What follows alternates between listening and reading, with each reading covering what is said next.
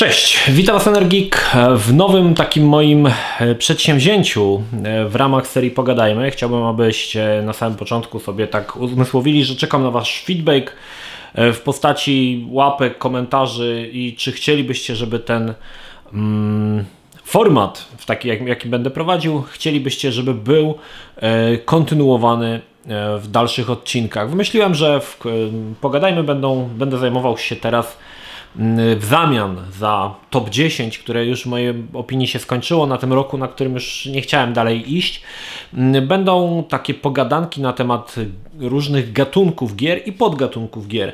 Każdy odcinek będzie oczywiście o innym e, gatunku. Jeżeli tych gier w danym gatunku będzie dużo, tak jak chociażby w tym odcinku, podzielę to na dwa albo i nawet na trzy odcinki.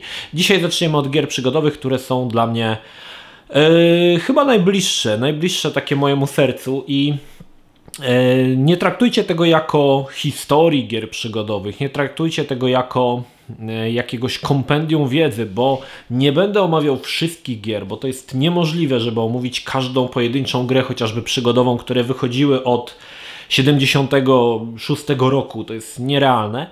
Będę zajmował się tymi grami, w które grałem lub które w pewien sposób zmieniały coś, e, czy też wprowadzały coś znaczącego, bądź zapamiętałem je z tego lub z innego powodu. I to jest jedyny mm, aspekt, w którym będę się zatrzymywał. Nie będę też omawiał historii i fabuły każdych z tych gier. Mogę jedynie napomknąć, ale nie będę się tym zajmował. W dużej mierze będę tutaj starał się skupić na mechanice i pewnych mechanizmach, które e, gry przygodowe, kolejne tytuły wprowadzały. Także nie traktujcie tego jako pewnej takiej wiedzy historycznej, że tak powiem. Wszystko jadę z głowy. Jedyne co mam to listę, wykaz gier po kolei, o których chciałbym Wam powiedzieć. Więc jeżeli gdzieś się pomylę, bądź nie opowiem o jakiejś grze, w którą wygraliście, a uważacie, że powinienem o niej powiedzieć, oznacza to, że pewnie w nią nie grałem, albo po prostu jej nie pamiętam, bo to też tak jest. Także wszystko będę opierał na mojej jakiejś takiej e, pamięci, która jest zawodna. E, no i jakiejś takiej wiedzy na temat gier. Także okej. Okay. No mam nadzieję, że wszystko wyjaśniłem, także zaczynajmy. Gry przygodowe. E, na początek taka dygresja, bo w tych materiałach będzie dosyć dużo takich właśnie e, dygresji. E, w latach 90., kiedy zagrywałem się w gry przygodowe i myślę, że w latach też 80., Gry przygodowe były uważane za tytuły, które posiadają najlepszą grafikę ze wszystkich gier wideo. Pamiętajmy, że wtedy nie wychodziło coś takiego jak gry z grafiką trójwymiarową, tak? z teksturami, z modelami 3D. Wszystko było oparte na mm, grafice bitmapowej, jeżeli pojawiały się jakieś tytuły 3D, bo pojawiały się pewne tego typu eksperymenty, to one były jeszcze gorsze niż ta grafika bitmapowa i nie warto o nich właściwie wspominać. Natomiast większość gier była oparta na grafice bitmapowej i gdy tak się zastanawiałem, próbowałem rozkminić, dlaczego gracze uważali, że mm, gry przygodowe są najlepszymi grami, czy też najlepsze, są najlepszymi grami graficznie ze wszystkich gier wideo, które wtedy wychodziły. Pamiętajmy, że wychodziło mnóstwo na przykład gier platformowych, które miały fenomenalną grafikę, a mimo to, jeżeli zapytałbym któregoś z Was, kto wychował się w latach 90., jaka gra jest najlepsza gra, była wtedy dla Was najlepszą grą graficzną, wielu z Was by wspomniało jakiś tytuł mm, właśnie przygodowy. E, myślę, że po części udało mi się rozwikłać tą zagadkę, aczkolwiek tak jak mówię, jest to moje subiektywne e, przemyślenie i może jest, macie jakieś inne zdanie, także możecie się z nim no, podzielić. Gdy w latach 90. powstawała gra, na przykład i 80. też, tak, na tamtym czasie. Y, była to gra na przykład platformowa, jakakolwiek, y, Super Frog, Zul, y, Mario Bros, jakakolwiek z tych gier takich typowo platformowych, gdzie idziemy w prawo lub w lewo. Korzystała ona z pewnych mechanik podczas tworzenia samej grafiki, czyli z asetów. Teraz przenieśmy się, przeskoczmy na chwilę do dnia dzisiejszego. Według Was, jaka dzisiaj gra ma najlepszą grafikę ze wszystkich gier wideo dostępnych dzisiaj. Oczywiście mówię odnośnie też gry, gry które, gier, które wyszły e, do momentu, w którym oglądacie ten film. Niektórzy wspomną, że to będzie Horizon, niektórzy wspomną, że to będzie Crysis, a niektórzy wspomną jeszcze cokolwiek innego. Jednak co e, wpływa na to, niektórzy wspomnią na przykład GTA 5, co wpływa na to, że uważamy, że grafika w danej grze jest najlepsza? Czy to są modele, czy to są tekstury?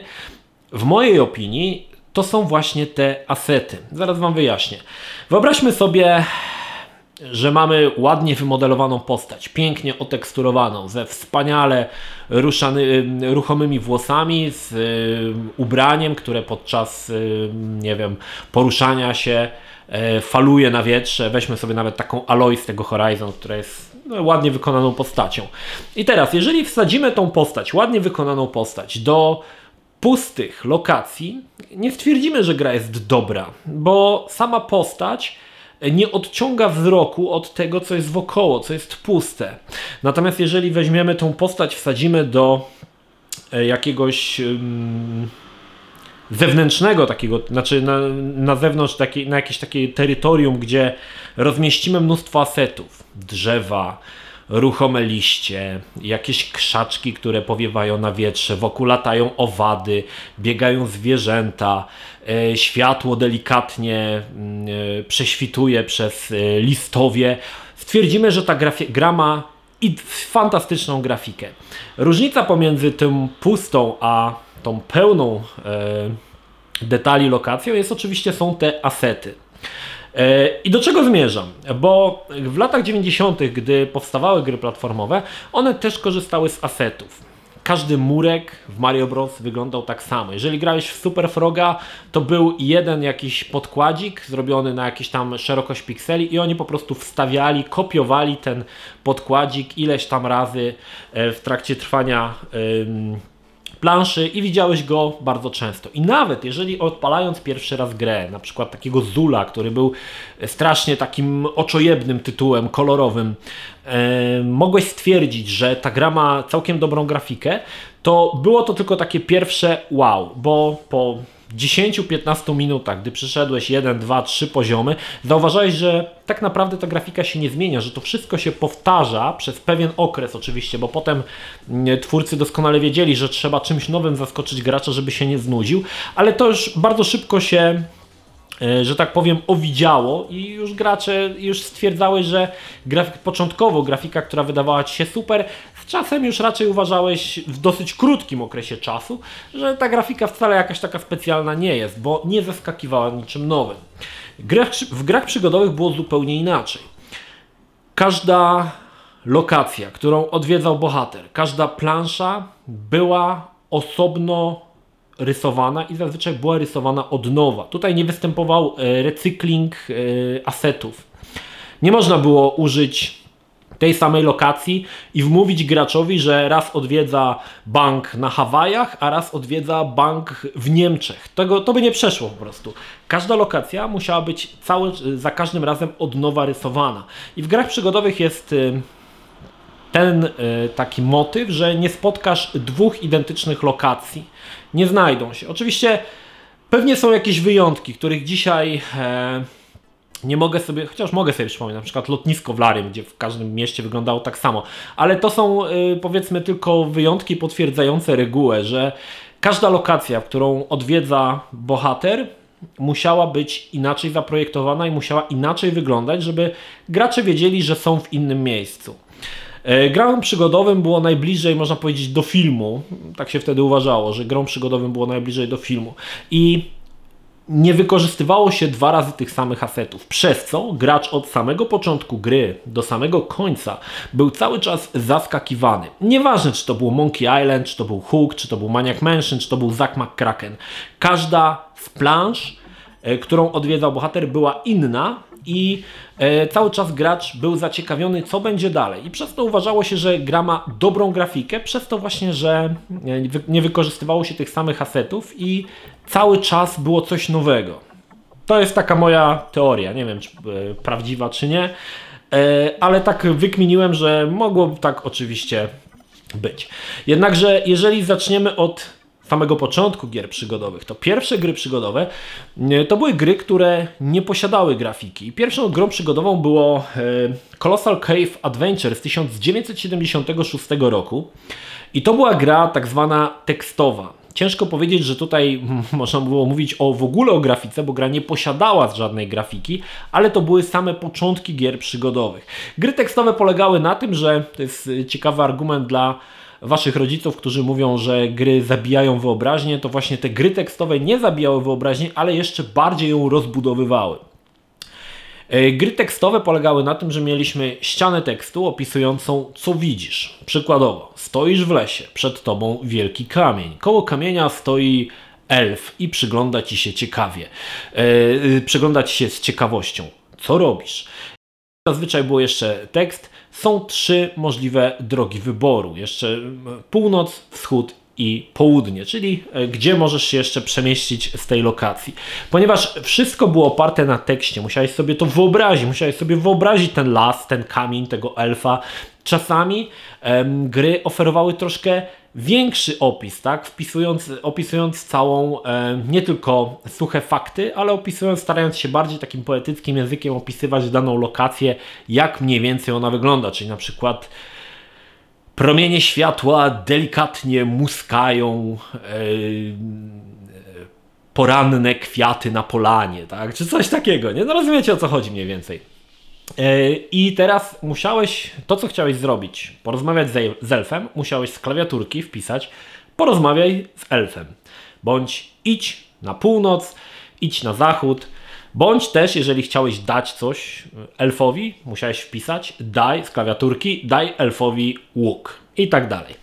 Takie były początki. To były pierwsze gry przygodowe, które opierały się głównie na tekście. Jeżeli jesteście graczami w papierowe RPG, to zauważycie bardzo dużą korelację. Gra była takim mistrzem gry, można powiedzieć. To ona opowiadała historię, ale ty z klawiaturki wpisywałeś, co dalej chcesz zrobić. Oczywiście pozbawiony tych elementów RPG jak rzutu, rzut kostką, ale bardzo zbliżone do prowadzenia narracji przez mistrza gry w papierowym RPG. Teraz, problemem w tych grach yy, przygodowych, yy, tekstowych, było to, przynajmniej dla mm, nieangielskojęzycznych graczy, było to, że deweloper mm, czy też twórca takiej gry musiał przewidzieć, co tak naprawdę chcesz wpisać. Bo mogłeś wpisać totalnie wszystko. Żuj skarpety elfowi. I co gra na to? Zazwyczaj w takich wypadkach, jeżeli E, wpisałeś komendę, która nie mieściła się w dosyć e, wąskim takim słowniku gry, pojawił się komunikat: Nie mogę tego zrobić lub nie wiem o co ci chodzi. Więc mogłeś wpisać wszystko, a zawsze odpowiedź była: Nie wiem o co ci chodzi. Do momentu, aż trafiłeś dokładnie ten element, który posuwał fabułę do przodu. No i teraz. Problemem było to, że na przykład chcąc porozmawiać z elfem, mogłeś powiedzieć talk to elf, save to elf, speak to elf. Każdy z tych elementów był prawidłowy i odnosił się do rozmowy z drugą osobą. W niektórych grach twórcy nie przewidzieli tego, więc jedyną była tylko jedna prawidłowa komenda na say to elf bądź speak to elf, bo nie wiem o co ci chodzi. Musiałeś odnaleźć tą sekwencję tekstu, który pasował do danej sytuacji. W tym momencie na przykład talk to elf, który był prawidłową e, formą, do, żeby porozmawiać z elfem. W późniejszych czasach deweloperzy już e, implementowali różne, znaczy starali się przewidzieć, co gracz może wpisać, tak? Czyli wpisywali, czyli już komenda talk, say i speak miała równoważne znaczenie i prowadziła do tego samego, ale wcześniej to nie było takie oczywiste i te gry mm, bardzo często, no właśnie na tym, na tym się gracz wykładał, że nie do końca wiedział, jaką komendę użyć. Myślę, że dla angielskojęzycznych graczy e, nie był to aż taki problem, jak na przykład dla graczy, powiedzmy, e, europejskich, tak? Inną grą, która może być bardziej dla Was znana, która należy do tego samego do gatunku jest chociażby Zork od e, Infocomu. E, Zork doczekał się też paru części i pierwsza część właśnie też polegała na tym, że gra była y, oparta głównie na tej formie tekstowej. I tutaj ciekawostka, bo z czasem pojawiły się, to już mówiłem przy okazji Larego, ale może nie każdy oglądał, y, pojawiły się coś takiego jak książki paragrafowe, które w pewien sposób chciały naśladować grę wideo. Polegało to na tym, że książka miała mnóstwo paragrafów oznaczonych e, cyframi i na przykład miałeś dokładnie tą samą sytuację. W książce miałeś opis, że znajdujesz się na polanie, że widzisz elfa. E, I teraz oczywiście mogłeś, nie mogłeś używać przedmiotu, co jest oczywiste, bo no, ciężko, żebyś miał kieszeń gdzieś w grze, chyba że mogłeś sobie gdzieś to zapisywać, ale nie spotkałem się z takim rozwiązaniem, ale na przykład e, jeżeli chciałeś iść na północ, książka, jeżeli idziesz na północ, strona 62, paragraf 686 otwierałeś książkę i miałeś, co dzieje się dalej, gdy idziesz na północ. Jeżeli chciałeś wrócić, to książka odsyłała cię do tego paragrafu, który przed chwilą czytałeś i na tym to polegało. To była taka, można powiedzieć, papierowa gra wideo, bo ona w sporej, mm, w sporej e, uproszczeniu e, emulowała tą grę przygodową właśnie opartą na e, formie tekstowej. No oczywiście w pewnym momencie gracze, e, czy też czas szedł naprzód i e, technologia szła naprzód. E, w 1980 roku małżeństwo Kenny Roberta Williams, którzy później założą, czy też już wtedy nawet mieli założoną, nie wiem tylko czy to się nazywało tak, bardzo mm, znaną firmę Sierra Online. Na początku to się nazywało po prostu online, bez tego przed, słówka Sierra. E, stworzyli grę um, Mystery House i było to w 1980 roku, e, która posiadała szczątkową grafikę. Od teraz gry przygodowe troszkę się zmieniły. To nadal były gry tekstowe, jednakże w tym momencie wyobraźnia gracza już nie musiała być aż tak rozbudowana. Polegało to na tym, że nadal miałeś tekst na dole ekranu, gdzie się znajdujesz, co widzisz, ale dla ułatwienia na górze ekranu miałeś prostą graficzkę, która mm, e, miała pokazać mniej więcej to, co opisuje tekst. Także w tym momencie miałeś jakiś kamyczek. Jeżeli był elf, no to tam ktoś upitolił tego elfa, jakiś las. Jednakże tutaj musicie zrozumieć, że była to grafika na tyle prosta, że każdy z Was mógłby ją narysować w Paintie. Pamiętajmy, że to były troszkę takie czasy, że brakowało narzędzi do tworzenia tej grafiki, e, brakowało tak zwanych artystów komputerowych, więc rysował kto, kto co tam e, potrafił i e, Mystery House jest doskonałym właśnie przykładem takiej gry, w której ta grafika jest bardzo szczątkowa, wygląda jak narysowana w Paintie w czterech kolorach, ale w pewien sposób dawała Ci świadomość tego, co widzisz, jak, się jak wygląda pokój, w którym się znajdujesz i jakie są w nim elementy. Już nie musiałeś sobie tego wyobrażać. Miałeś jakiś chociażby taki, to nawet ciężko powiedzieć, że to jest y, interpretacja graficzna, tylko taki szkic graficzny, który mniej więcej ci pokazywał, jak to wszystko, y, jak to wszystko E, wygląda. Ja ze swojej strony, co prawda w Mystery House nie grałem, ale ze swojej strony pamiętam taką grę Hobbit, która właśnie polegała dokładnie na tym patencie. Ona chyba wyszła w 1983 roku, nie mam jej nawet tutaj napisanej chyba w 82 albo w 83 i była to podróż, y, to był albo Hobbit, albo Władca Pierścieni, nie pamiętam już dokładnie, ale to było też tak, że na dole był tekst, a na górze mieliśmy grafikę. Ciekawostką jest to, że komputery były wtedy na tyle wolne, że po przejściu do jakiejś lokacji, czyli na przykład idziesz na północ, musiałeś poczekać, zanim ta grafika na górze się narysuje. To nie była bitmapa, to nie było coś takiego, że od razu ci się ładowało, jak JPEG. Nie.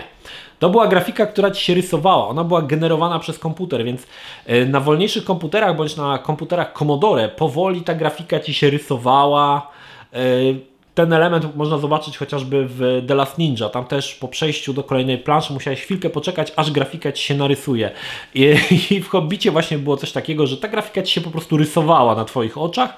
No i na dole miałeś ten tekst. Oczywiście nadal musiałeś e, wpisywać te komendy z klawiatury, nadal musiałeś odgadnąć o jaką komendę chodzi twórcy, żeby popchnąć akcję do przodu, aczkolwiek był to już e, no, spory krok naprzód. Można powiedzieć, że e, nie wiem, czy gry przygodowe zapoczątkowały jakąś taką powiedzmy lepszą grafikę, ale był to jakiś taki początek. W czasach, kiedy królował Pong składający się z kropeczki i dwóch paletek, tutaj już twórcy starali się dać coś więcej, coś co yy, będzie starało się naśladować rzeczywistość koślawy, taki karykaturalny sposób, ale jednak dać ci taką, takie przeświadczenie, że no coś tutaj widzisz, tak, że na coś patrzysz i jakoś to tak wygląda słabo, bo słabo, ale jakoś wygląda.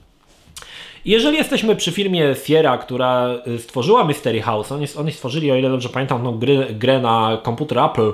Mm, Ken i Roberta Williams myślę, że wtedy podłapali, że gry przygodowe to jest przyszłość. Wcześniej e, wydali jeszcze chociażby Softporn, które omawiałem przy okazji e, kolekcji Larego, natomiast w bardzo krótkim czasie Sierra stanie się potentatem gier przygodowych, oferując em, produkcję dla wielu różnych odbiorców. Jednakże, zanim to nastąpi, nastąpi ponowne przekształcenie interfejsu gier graficznych, ponieważ ponownie czasy poszły do przodu. Yy, zmieniła, się, zmieniła się technologia, była lepsza technologia, szybsze procesory. Zrezygnowano z, ze statycznych grafik z tekstem na rzecz grafiki, po której poruszał się ruchomy ludek. To było, to było pewnym takim elementem, który e, był kamieniem milowym, jeżeli chodzi, w mojej opinii, jeżeli chodzi o gry wideo. Od teraz mieliśmy grafikę na górze ekranu, mieliśmy postać, którą mogliśmy sterować klawiaturą, jednakże nadal wszystkie komendy, które chcieliśmy wykonać, musieliśmy wpisać z klawiatury. E, I różnica była taka, że sterowanie postacią wprowadziło dodatkowy element. Wcześniej, jeżeli na przykład stałeś powiedzmy już w tym lesie i chciałeś podnieść kamień, wpisywałeś podnieść kamień i postać ten kamień podnosiła.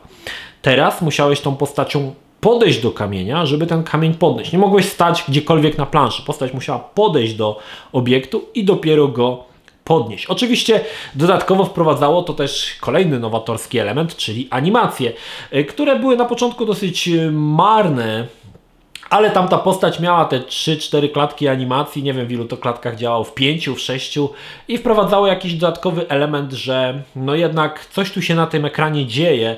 I też wprowadzało to, że uważane było, że już wtedy uważane było, że grafiki, gry właśnie przygodowe mają bardzo dobrą grafikę i to będzie się pogłębiało. Jak wspomniałem, Sierra była takim potentatem gier przygodowych i e, oni e, stworzyli parę serii, e, które miały zaspokoić potrzeby różnych klientów. Więc powstał Lary. E, ileś tam części Larego, który oferował taką grę przygodową o zabarwieniu erotycznym, które w tamtych czasach raczej chyba popularne za bardzo nie były i Lary był jedną z tak niewielu takich gier. Powstał King Quest dla graczy, którzy e, lubili baśniowe klimaty, jakieś smoki, rycerzy, magów, czarowników.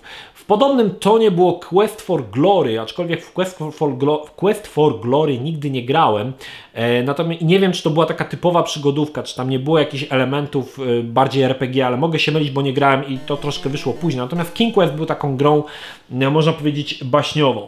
Jeżeli lubiłeś podróże w kosmosie, był Space Quest, gdzie wcielaliśmy się w Rogera Wilco, e, takiego pechowego. E, pechowego, chyba był sprzątaczem, nie pamiętam już, nazwijmy to pechowego jakiegoś gościa, który przebywał na jakiejś stacji czy statku, już też dzisiaj nie za bardzo pamiętam. I to było utrzymane w takim lekkim, e, komediowym tonie.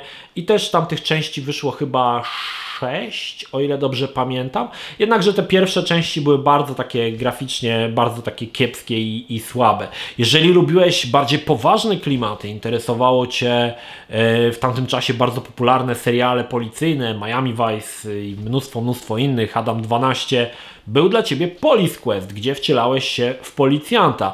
I tutaj yy, Sierra w mojej opinii e, mocno przegięła z poziomem trudności, szczególnie w dalszych częściach, gdzie do przejścia gry wymagane była właściwie bezbłędna yy, wiedza na temat yy, prowadzenia śledztwa przez policjanta. To chyba najbardziej było widoczne w trzeciej części, która się nazywała Open Season, do której jeszcze przy okazji wrócimy, e, gdzie było wymagane nawet, słuchajcie, wypełnianie jakichś świstków papierów, jakieś tam totalne w ogóle jakieś odpały. Ale Police Quest był z kolei grą, która oferowała poważne podejście do tematu i pracę policjanta w ujęciu przygodowym. I to było całkiem spoko, bo było e, takim e, oddechem od tych gier takich komediowych, bo King Quest też był troszkę komediowy, chociaż nie był aż tak powiedzmy jajcarski jak Space Quest czy, czy Lary. Także Police Quest był bardziej taką grą grą poważną. E, to, co w mojej opinii wprowadziło, mm, Sierra wprowadziła, co graczom nigdy się za bardzo nie podobało, to to, że, gra, że gracz mógł w tych grach zginąć. I mógł zginąć na wiele różnych sposobów. Nie tylko mógł zginąć mm, fizycznie, że ktoś go zabił, yy, znaczy postać gry, z gry zginęła, że ktoś ją zabił, ale też mógł zginąć poprzez złe wykonanie bądź niewykonanie pewnych czynności.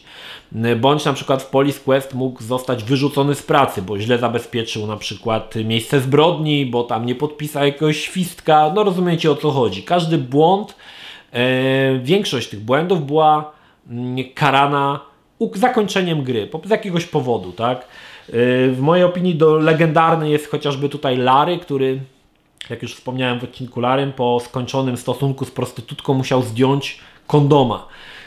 Któż z Was by wpadł na to, że trzeba zdjąć kondoma w grze wideo? To się wydaje, że jest automatycznie, że się dzieje gdzieś w tle i tego nie trzeba robić. Natomiast jeżeli tego nie zrobiłeś, wychodziłeś na ulicę i postać za, y, była y, przez policjanta złapana z y, kondomem na penisie, no i gra się kończyła. No i wprowadzało to oczywiście też taką niepewność, bo było to Yy, dosyć upierdliwe, bo często było tak, że przechodziłeś jakiś fragment i ginąłeś w zupełnie bezsensowny bądź niemożliwy sposób do przewidzenia, bo no tutaj yy, te gry, gry od Sierry wymagały przemyślenia 10 ruchów wstecz, przy czym nie wiedziałeś, co się stanie w przyszłości. Tak właśnie tutaj z tym kondomem, tak? No nigdy byś na to nie wpadł. Musi, nie sposób to przewidzieć, tak? Także było tutaj to dosyć, dosyć takie, trzeba przyznać, no słabe, nie? No, w mojej opinii było to dosyć słabe i nie, wprowadzało tylko nie, nie, niepotrzebną frustrację e, do gier przygodowych, które, które później jednak staną się, zrezygnują z tego elementu. Jeżeli chodzi o największego konkurenta Sierry, to była firma Lucasfilm, która później przeistoczy się w Lucas Arts. Była to firma stworzona przez George'a Lucasa, która miała po prostu tworzyć gry wideo jako nowe medium w opozycji do filmów. Jedną z tych gier, nie, niekoniecznie pierwszą, ale jedną z wartych zapamiętania gier e, od LucasArts był pierwszy Maniac Mansion. Dlaczego? Ponieważ była to gra przygodowa, która zmieniała troszkę mechanikę w grach przygodowych. Jeżeli spojrzymy na te wcześniejsze gry Sierry, one były bardzo liniowe. E, aby przejść dalej, musiałeś wykonać jakąś czynność, e, która popychała fabułę do przodu. Ten element będzie, się, e, będzie w grach przygodowych przez wiele, wiele, wiele kolejnych lat się ciągnął. Natomiast Maniac Mansion wprowadzał grę nieliniową, nielinearną. To znaczy, że miałeś trzy postacie, którymi sterowałeś i i rzeczy mogłeś wykonywać w dowolnym, e, w dowolnym przez siebie wybranym, e, wybranej, e, no, zapomniałem słowa. Mogłeś dowolny, w dowolnym czasie je wykonywać, tak? Dodatkowo było to, że każda z tych trzech postaci mogła zginąć. Tutaj, jeżeli myślicie, że pierwszy raz było to w Heavy Rain, to było to w Maniac Mansion właśnie od Lucasfilmu. E, każda z postaci miała też inne umiejętności, co ciekawe. I gra przygodowa, która w pewien sposób um, łamała zasady gier przygodowych, które były przedstawione przez Sierę, tak? Niekoniecznie było to dobre, bo była to naprawdę trudna gra i wprowadzała pewien taki element um, pewien taki element nie do końca mm, można było wszystko przewidzieć, bo tam na przykład y, postać, na przykład doktor Edny, mogła się znaleźć w różnych miejscach y, takiej rezydencji i mogła cię złapać, tak? I postać wtedy trafiała do więzienia. Co ciekawe, z tego więzienia też można tą postać było wyciągnąć, więc yy, dawało to taki naprawdę, znaczy jeżeli spojrzy się na to z, yy, tak z boku, to dawało to naprawdę taki, e, można powiedzieć, w pewien sposób film interaktywny, że, że nie tylko miałeś tą liniową rozgrywkę, ale działy się różne rzeczy poboczne, na które miałeś jakiś tam wpływ, bądź mogłeś je wykonać opcjonalnie, chociażby to, żeby wyciągnąć kogoś z więzienia. Natomiast... Jeżeli chodzi o Maniac Mansion, wprowadzało tutaj jeszcze jeden bardzo ważny element, jeżeli chodzi o mechanikę, mianowicie e, Lucasfilm zaprojektował system, który się nazywał Scam e, i był to system, który w grze funkcjonował na tej zasadzie, że operowało się tutaj myszką. Nie trzeba było, przede wszystkim różnica była taka, że nie trzeba już było wszystkich komend wpisywać na klawiaturze. Lucasfilm poszedł na rękę graczom i wszystkie komendy umieścił na dole ekranu, więc tam było take, look at, y, get chyba, turn on, turn off, use, e, look, walk i tak dalej. W formie takich e, w formie takich e, słów, tak? I teraz jeżeli chciałeś na przykład podnieść ten przysłowiowy kamień, klikałeś na, na dole get lub y, take off, coś tak, nie, nie take off. Take chyba, take. Klikałeś na kamień i na dole pomiędzy ekranem e, grafiki a tym interfejsem pojawiała się komenda take a rock. Jeżeli kliknąłeś, to pod, postać podnosiła kamień. Było to niesamowitym ułatwieniem e, dla graczy. Już nie trzeba było wklepywać tych e, nudnych komend. Dla nieangielskojęzycznych graczy to chyba już nie muszę mówić, jakim ogromnym to było ułatwieniem. E, tego typu element i wprowadzał e, bardziej taką płynną rozgrywkę, tak, że już wydaje mi się, że po części też było związane to z tym, że Maniac Mansion był grą, która często wymagała działania e, bardzo szybkiego. Tam na przykład jeżeli ktoś cię gonił, to musiałeś szybko zareagować i wpisywanie tego z klawiatury troszkę by tą grę zwalniało, postać by stała w miejscu i mogłaby zostać złapana, natomiast kliknięcie dwóch kliku, klików myszą było wiele mniej problematyczne w tym wypadku. I to jest, słuchajcie, ten element był dosyć ciekawy. Natomiast tutaj autorzy Lukas filmu dodali mnóstwo tych komend, które często były użyte raz albo dwa, na przykład turn on i turn off, które służyło do włączania i wyłączania, tak, na przykład światła. Zamiast użyć jednej komendy use, mieliśmy te dwie komendy. Później z czasem będzie te, będą te elementy się e, zmniejszały, aż w końcu całkowicie znikną w e, grach przygodowych, ale na początku właśnie to operowało na takich e, słowach, e, słowach kluczowych, które e, miały pomóc Ci pomóc Ci e, wykonać jakąś czynność.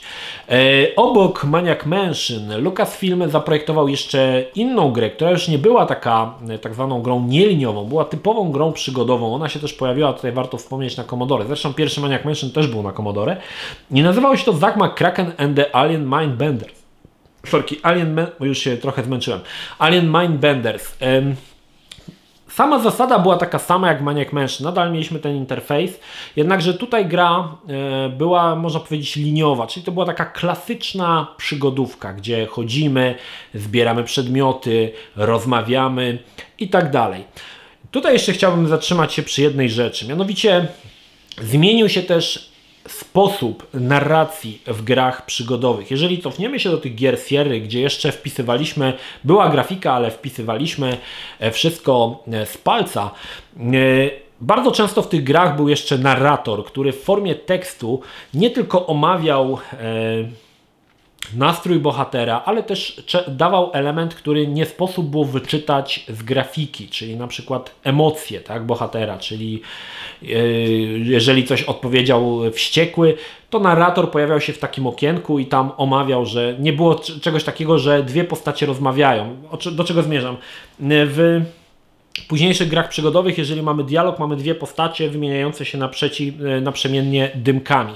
Wcześniej był jeszcze ten narrator, który nie było tych dymków, tylko było w formie takiej jakby, jakbyś wyjął z książki paragraf z dialogiem, czyli tak coś tam dałeś kamień, a elf spojrzał na ciebie i podziękował ci stokrotnie. Od teraz jesteście przyjaciółmi. Czyli elementy, których y, z samych dialogów mogły nie wynikać, tak, że na przykład y, elf od teraz jest dla ciebie dobrze nastawiony. Także to był taki narrator i to był też ten element, który wziął się z tych wcześniejszych gier jeszcze e, typowo tekstowych. Natomiast w grach LucasArtsu, Lucasfilmu zrezygnowano z tej narracji. Tą narrację prowadziła e, głównie Sierra, a już Lucasfilm oparł grę tylko i wyłącznie na dialogach. Straciliśmy ten element mm, dodatkowy, który mógł na przykład opowiedzieć nam o emocjach bohatera na rzecz dialogów prowadzonych po prostu pomiędzy dwoma postaciami. To było pewne uproszczenie, ale też w pewien sposób wprowadzało troszkę łatwiejszą, czy też bardziej płynną rozgrywkę e, kiedy nie musieliśmy czytać tych całych ton tekstu, które odnosiły się do rzeczy, które niekoniecznie były istotne dla prowadzenia rozgrywki. Ok. E, no i właśnie o czym, że ten Zag Kraken to oczywiście, no to e, też z tego korzystał. Słuchajcie, trochę się zmęczyłem. Ile już ten film trwa? 35 e, minut. Ok, jeszcze jedną grę.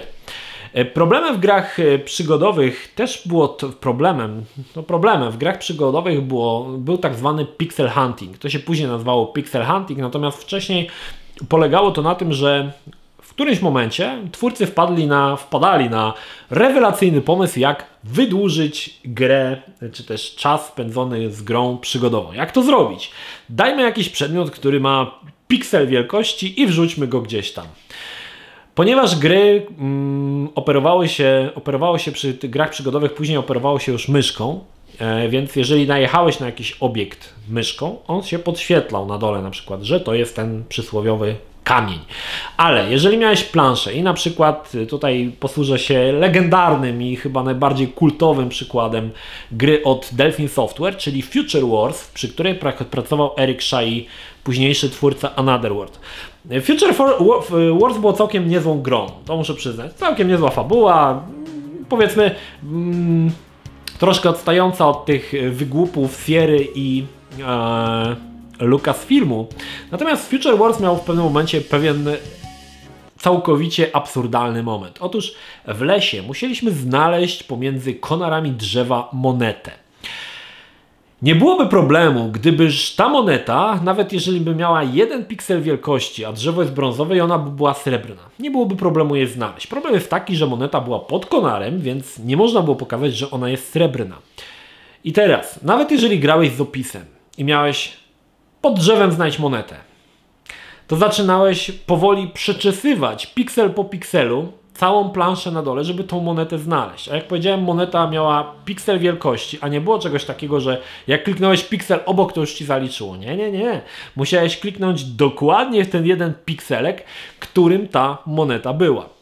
E, pixel hunting będzie w grach przygodowych prawdziwą zmorą i w wielu grach. Mm, Stosowane to z premedytacją. Wydaje mi się, że po części po to, żeby wydłużyć czas spędzony z grami. Ostatnio omawiałem AD 2044 i tam też zastosowano podobny element, gdzie pewien dość istotny element do popchnięcia fabuły do przodu był ledwie zarysowany gdzieś tutaj w rogu planszy może on nie miał piksela wielkości, ale powiedzmy sobie, że grając raczej marne szanse, żebyś to zobaczył. I ten pixel hunting będzie w grach dosyć, dosyć e, negatywnie przyjmowany. Będą taki, muszę powiedzieć, że gracze przygodowi, czy też gracze tacy, którzy lubili gry przygodowe, mieli taką listę elementów w grach przygodowych, które nie do końca im się podobały, bądź całkowicie im się nie podobały. Pixel hunting, to, że mogłeś zginąć e, w grach przygodowych. No i ostatnim elementem, który też często się zdarzał, były bugi i glitche, które uniemożliwiały przejście gry dalej. E, ponieważ e, Gry oczywiście były przygodowe liniowe, ale mogło się zdarzyć, że pewne rzeczy mogłeś wykonać przed rzeczami innymi. Nie musiałeś. Przykładowo, podam przykład. Wróćmy do tego naszego elfa w tym lesie z kamieniem. Mogłeś porozmawiać z elfem, ale równie dobrze mogłeś podnieść ten kamień, który koło tego elfa leżał. Czy zrobiłeś to, czy to na początku, nie miało znaczenia, tak? Nie były to ze sobą powiązane jakieś elementy, ale potem mogłeś ten kamień dać elfowi, ale nic nie stało na przeszkodzie, żeby zanim podniesiesz ten kamień, sobie z tym elfem porozmawiać.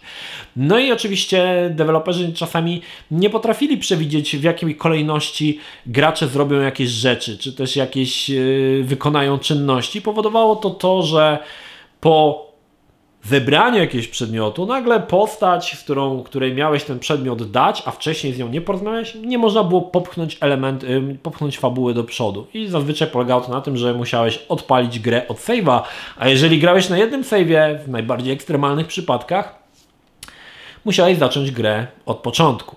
Innym znienawidzonym elementem było to, że yy, bardzo często postacie posiadały jakieś tam dialogi, tak? Rozmawiały sobie. Bardzo często wymagało popchnięcie fabuły dalej, wymagało wyczerpania wszystkich możliwości dialogów danej postaci. Potem, gdy zebrałeś jakąś rzecz, wykonałeś jakąś czynność, nie mogłeś znowu popchnąć fabuły, znowu stałeś w miejscu i okazywało się, że żeby popchnąć fabułę, musiałeś wrócić do tej postaci, z którą już wyczerpałeś wszystkie linie dialogowe, ale po wykonaniu tych czynności, które wykonałeś przed chwilą, otwierały się nowe czynności dialogowe, y, czy też nowe możliwości dialogowe, które musiałeś znowu wyczerpać, aby popchnąć fabułę dalej. To też było bardzo znienawidzone przez graczy i bardzo y, tępione i wypominane w y, przeróżnych recenzjach.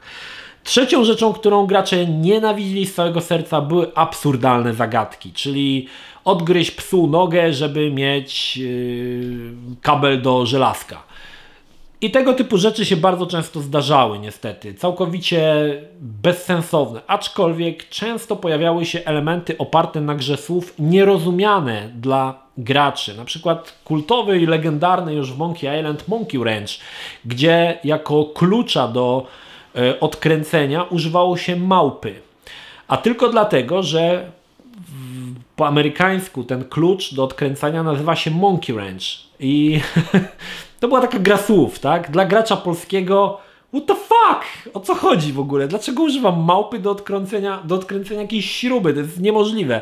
Ale dla graczy amerykańskich ten dowcip był zrozumiały i nie chodzi mi tutaj tylko o grę słów, ale pojawiały się jakieś bardziej absurdalne rzeczy, które nijak się miały do rzeczywistości i tego gracze też nienawidzili, tak? Tutaj mogę przytoczyć e, odwrotną sytuację, kiedy e, wybiegniemy troszkę w przód, kiedy gra dla Polaków była zrozumiała, ale zupełnie niezrozumiała dla Amerykanów. I tutaj doskonałym przykładem jest gra Sołtys, gdzie cała fabuła gry była oparta na dowcipach o Wąchocku i o Sołtysie, czy tam o jakimś innym mieście. E, nie pamiętam, jak, jakieś funkcjonują e, jednocześnie te dwa miasta, nie pamiętam jaki to drugie. Ja, ja kojarzę o Sołtysie z Wąchocku. I tam było mnóstwo zagadek, polegało na wykorzystaniu wiedzy z dowcipów o Wąchocku, więc na przykład rozwijałeś asfalt, albo dlaczego autobus jest szerszy niż dłuższy, albo dlaczego na przybudzie szczeka sam yy, łańcuch bez psa. Dla gracza anglojęzycznego, który tych dowcipów nie znał, był to absurd, całkowity absurd. Tak? Dlaczego rozwijasz yy, asfalt? Dlaczego ten autobus jest taki szeroki? My wiemy, że autobus był tak szerszy niż dłuższy, bo wszyscy chcieli, chcieli stać przy kierowcy, tak? ale amerykański gracz nie znał tych dowcipów. Dla niego był to, była to abstrakcja, zupełnie niezrozumiała rzecz. Tak? Dla niego każda z zagadek w sołtysie była po prostu wyciągnięta z dupy. Nie ma żadnego, mm, żadnego odzwierciedlenia w jakiejkolwiek rzeczywistości. Natomiast gracz polski rozumiał te dowcipy. On doskonale wiedział o co chodzi, tak? Wiedział dlaczego ten autobus jest szeroki, yy, czy dlaczego yy, tam ten pies, czy też sam łańcuch szczeka na, na tym, na przybudzie i nie ma psa, tak? Także to jest odwrotna sytuacja, ale pokazuje dokładnie, doskonale ten element absurdalnych zagadek, które dla pewnych nacji, bądź czasami dla wszystkich graczy, były zupełnie niezrozumiałe poza chyba samymi deweloperami. Ok, niewiele omówiliśmy z dwóch karteczek, które przygotowałem, jesteśmy Uwaga! Tutaj, na Future Wars.